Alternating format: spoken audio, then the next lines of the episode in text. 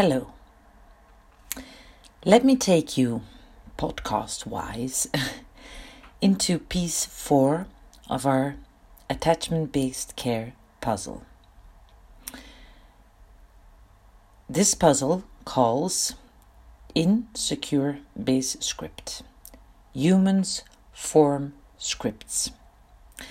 In developing their neocortex, children form more and more nuanced and complex scripts on how reality is organized and how they should interact, act within that reality. We all need those scripts to be able to navigate life. An example. We learn that upon entry in a restaurant, we don't get to walk straight through to the kitchen. The script we've learned through observation is to go sit down at a table and wait for the waiter. A script, also called schema or internal working model, consists of expectational patterns and it feeds forward to behavioral options. Scripts also act like templates for information processing.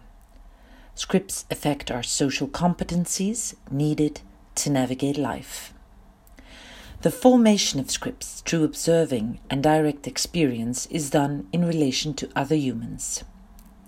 Interactions with our parents, siblings, peers all have an impact on our scripts, constructing and shifting them as we grow older. Vice versa, those scripts surely have an impact on our interactions.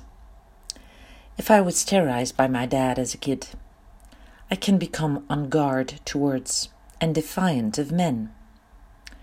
When I interact from a script that men are out to make me scared, I risk to choose a partner answering to that expectation of mine. When our human needs for connection, autonomy, and competency are repeatedly and are deeply frustrated, conclusions on self, others, and the world get inscribed into a person's script and expectations. The script on attachment is called the base script, the secure or the insecure base script. This script is about trust in the availability of attachment figures as a source of love, support, comfort, protection. Defining attachment in line with the most recent research is attachment is the extent to which one can trust the availability of care. Attachment is the way one can trust the availability of care. Based on our biological designs as humans, our temperament, and learning experiences, with care, we form a script about whether or not to accept, expect support, care, and help when we signal our distress. Although script and schema research stems from learning theory, putting a very cognitive emphasis on it, the attachment script at its core is an emotional one. A child that experienced rejection repeatedly when needing care will develop a schema about himself as being a worthless person, filled, fueled with emotion. This child will get biased to care, will develop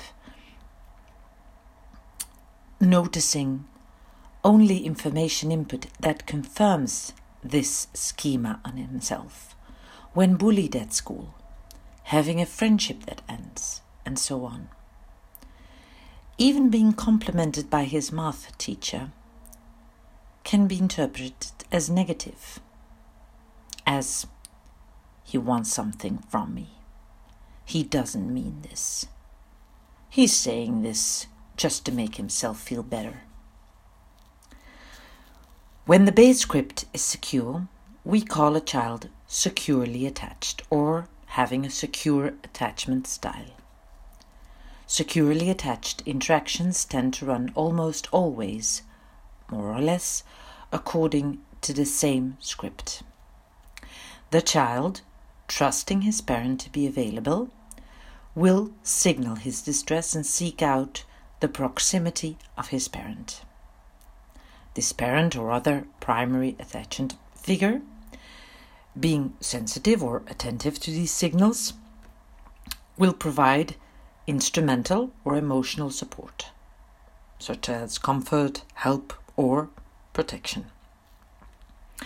This reaction in parents in primary attachment figures is called responsivity. With care being received, the child is more able to bear the anxious experience of distress. The child will be able to re engage in his activity and context faster and easier. Not remaining alone in the face of overwhelming stressors and the emotions that come with that. This child knows, based on his learning experiences, he can and how to ask for help or support. And he can experience relief when support is offered. The stressor's impact will be less.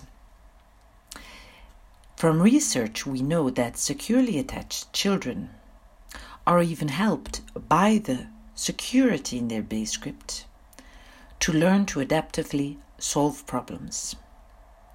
This is why we consider being securely attached as a buffer against life stressors. Secure attachment promotes a myriad of vital skills like exploration, being able to handle failure, being able to regulate emotion, to be cognitively flexible, and the ability to provide care. Being securely attached is not the same as having experienced no traumas, as having no wounds in life. Secure attachment is a big buffer in the light of life as it is, though. Terribly tricky and complex. A number 60% of the general population is considered to be attached securely. In insecure attachment, a lack of trust in the availability of care is learned. Also, after repeated learning experiences. When you've developed an insecure base script, you have no idea of what might happen when you get into trouble. You've learned that help and support are unavailable or inconsistent or even that help can be dangerous or damaging. Insecurely attached care interactions are known to have an unstable and uncertain course. The child, holding no stable expectations around care when he is in need, of course will have to protect himself against this insecurity. He might stop signaling his actual need, or will send out all kinds of distorted signals.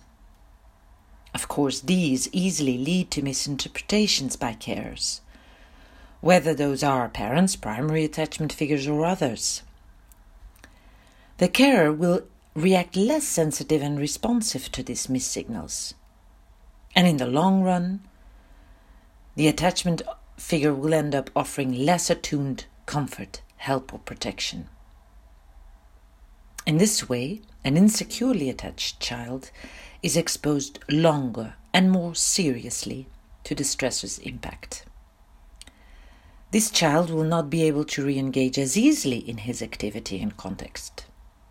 And throughout his development, multiple behavioral, emotional, and cognitive regulation mechanisms, such as help seeking, for example, might get disturbed.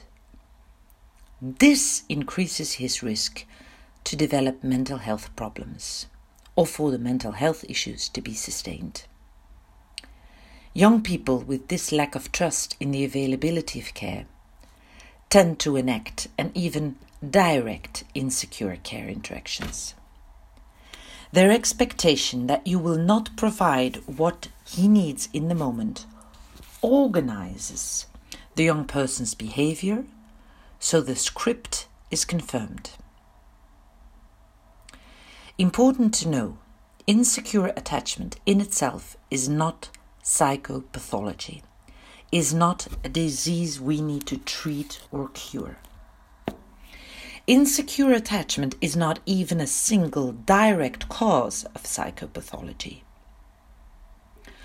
Insecure attachment is lacking a crucial buffer against life stressors.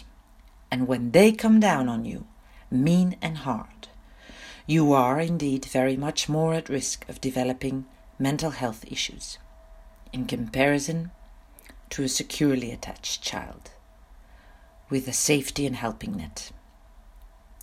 Insecure attachment is also not the same as the so called reactive attachment disorder.